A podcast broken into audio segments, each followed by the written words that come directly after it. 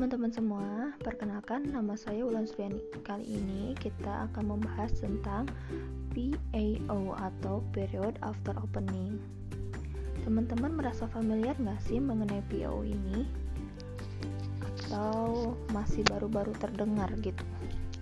Tapi sebenarnya teman-teman semua itu nggak asing deh sama kode-kode yang biasa ditampilkan oleh PAO ini. Nah, PAO ini uh, paling sering berhubungan dengan make up atau kosmetik atau produk-produk skincare.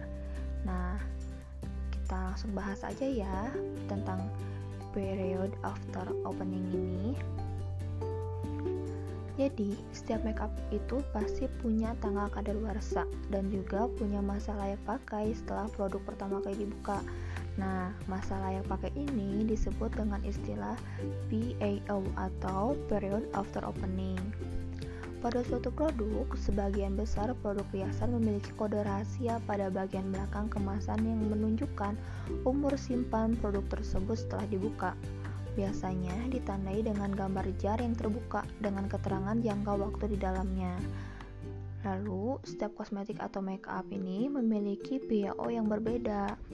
Tetapi, makeup untuk area mata akan memiliki PAO lebih cepat dibandingkan produk kosmetik lainnya karena area mata sangat mudah mengalami infeksi.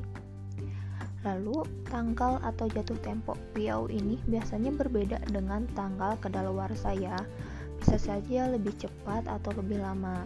Nah, di sini kita ikuti mana tanggal yang lebih cepat karena percuma ya kalau misalnya kita pakai make up yang belum kadaluarsa namun sudah lewat masa PO-nya atau sebaliknya masih dalam masa PO namun sudah lewat tanggal kadaluarsanya.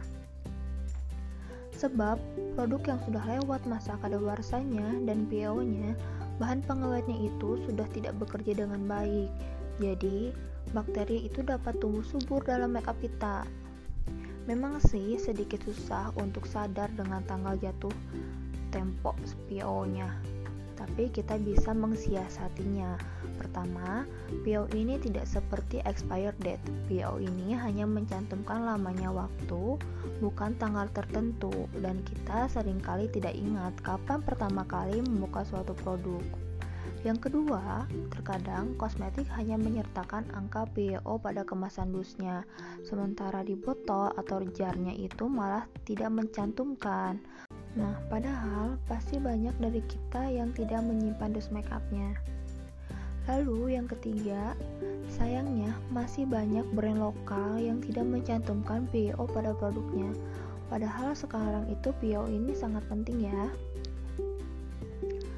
Selanjutnya, cara yang paling gampang untuk selalu mengetahui tanggal PO pada setiap kosmetik yang kita pakai adalah dengan menuliskan tanggal kita membuka kosmetik tersebut. Nah, yang diperlukan hanyalah stiker label berwarna putih dan ballpoint. Setiap membuka suatu produk baru, selalu tuliskan tanggal ketika kita membuka dan tempelkan pada kemasan produknya. Atau bisa juga langsung menuliskan tanggal berakhirnya PO pada stiker labelnya. Jadi, bukan tanggal saat ini, tapi saat kita membuka lalu uh, kita menghitung tanggal berapa produk ini sudah tidak boleh digunakan dan catat di label tersebut tapi bisa juga kita dapat menuliskan semua tanggal-tanggal tersebut dari tanggal kita membuka dan uh, tanggal PO waktu habis lalu expiry date-nya itu di note atau buku catatan. Dan kita bisa meninjau ulang ke mana aja nih yang bakal e, mendekati expire atau mendekat PO-nya gitu ya. Itu e, sebagai suatu pencegahan apabila label yang kita tempelkan pada produknya itu terlepas. Jadi kita nggak pusing lagi ini kapan ya e, labelnya e, apa ya kadaluarsanya saat labelnya itu hilang gitu. Nah, gimana nih sih kalau misalnya si kosmetik itu tidak mencantumkan angka PO sama sekali?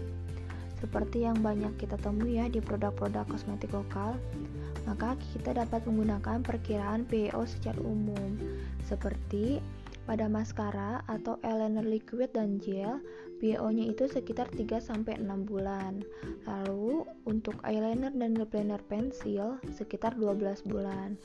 Dan pada foundation, concealer, eh, eh, produk-produk krim atau produk powder dan lip gloss itu bisa sampai 12 hingga 18 bulan. Lalu untuk produk lipstick sendiri itu bisa 18 sampai 24 bulan.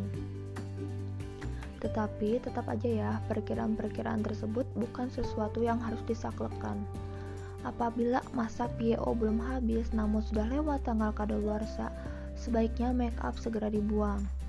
Lalu bila masa PO dan expired date-nya belum terlewat, namun produk sudah menunjukkan tanda-tanda kerusakan seperti perubahan warna, berbau, berjamur, menggeras, menggumpal, atau produk-produk krim itu adanya pemisahan antara fase air dan minyaknya, menimbulkan reaksi negatif di kulit, tentu produk tersebut juga sudah tidak bisa dipakai lagi untuk kita ya.